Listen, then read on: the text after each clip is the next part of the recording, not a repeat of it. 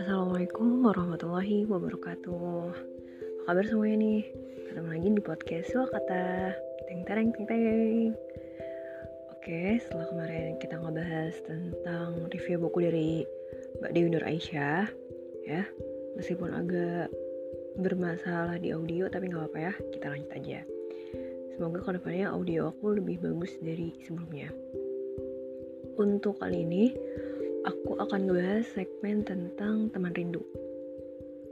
Teman rindu yang kedua, setelah kemarin teman rindu pertama aku adalah teman asrama aku atau dormmate. Nah, sekarang kerinduan yang selalu aku rasain dan kayaknya gak pernah surut rindu itu adalah kerinduan aku terhadap papa aku.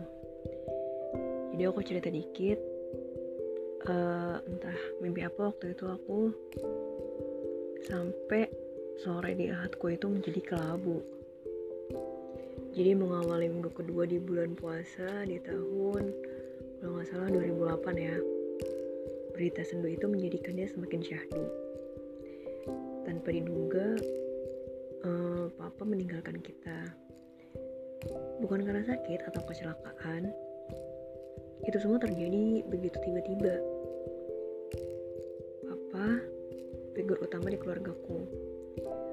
Selalu berusaha memberikan yang terbaik untuk istri dan ketiga anaknya.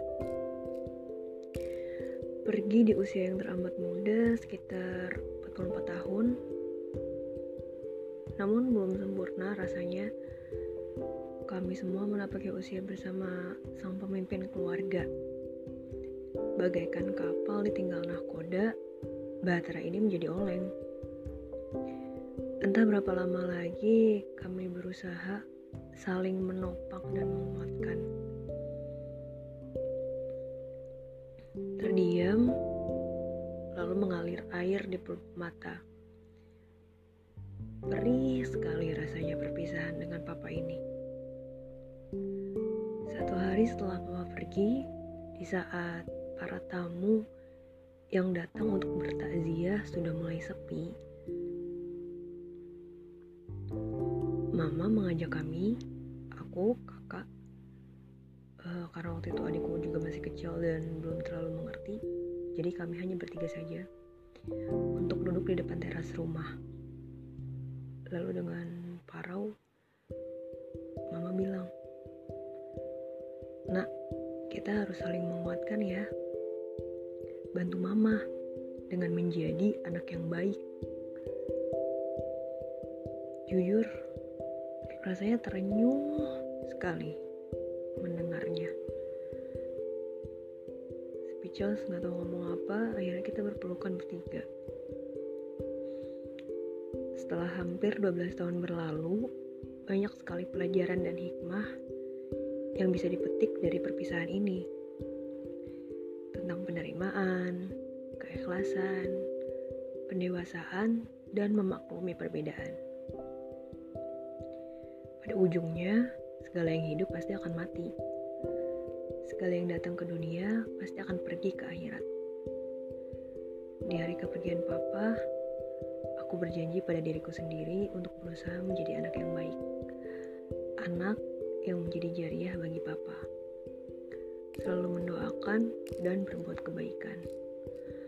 Agar kelak ketika datang hari pertanggungjawaban tidak menjadi penghalang papa ke surga. Sampai saat ini aku masih belum bisa menepati janjiku dengan paripurna. Masih banyak yang perlu disempurnakan lagi. Tapi setidaknya aku masih berusaha, Pak. Meski jasa papa telah tiada, namun ruhnya, segala keluhurannya masih terus hidup di sanubariku. Namanya harum sekali, selalu terpatri dalam setiap hati yang mengenalnya. Papa, betapa aku mengagumimu sebagai lelaki pertama di hidupku. Semoga Allah mengizinkan kita untuk kembali berkumpul bersama di surganya kelak. Amin ya robbal alamin. Meskipun aku dan papa tidak bisa bersua lagi di dunia, semoga kata ini bisa menjadi obat bagi aku. Yang ingin sekali meneteskan rindu. Semoga kita bisa bertemu lagi di surga ya Pak. Amin ya Allah ya Rabbal Alamin. Terima kasih teman-teman yang sudah bersedia mendengarkan. Kamu juga boleh kok cerita tentang siapa teman rindu kamu. Sekian, wassalamualaikum warahmatullahi wabarakatuh. Dadah, see you next time.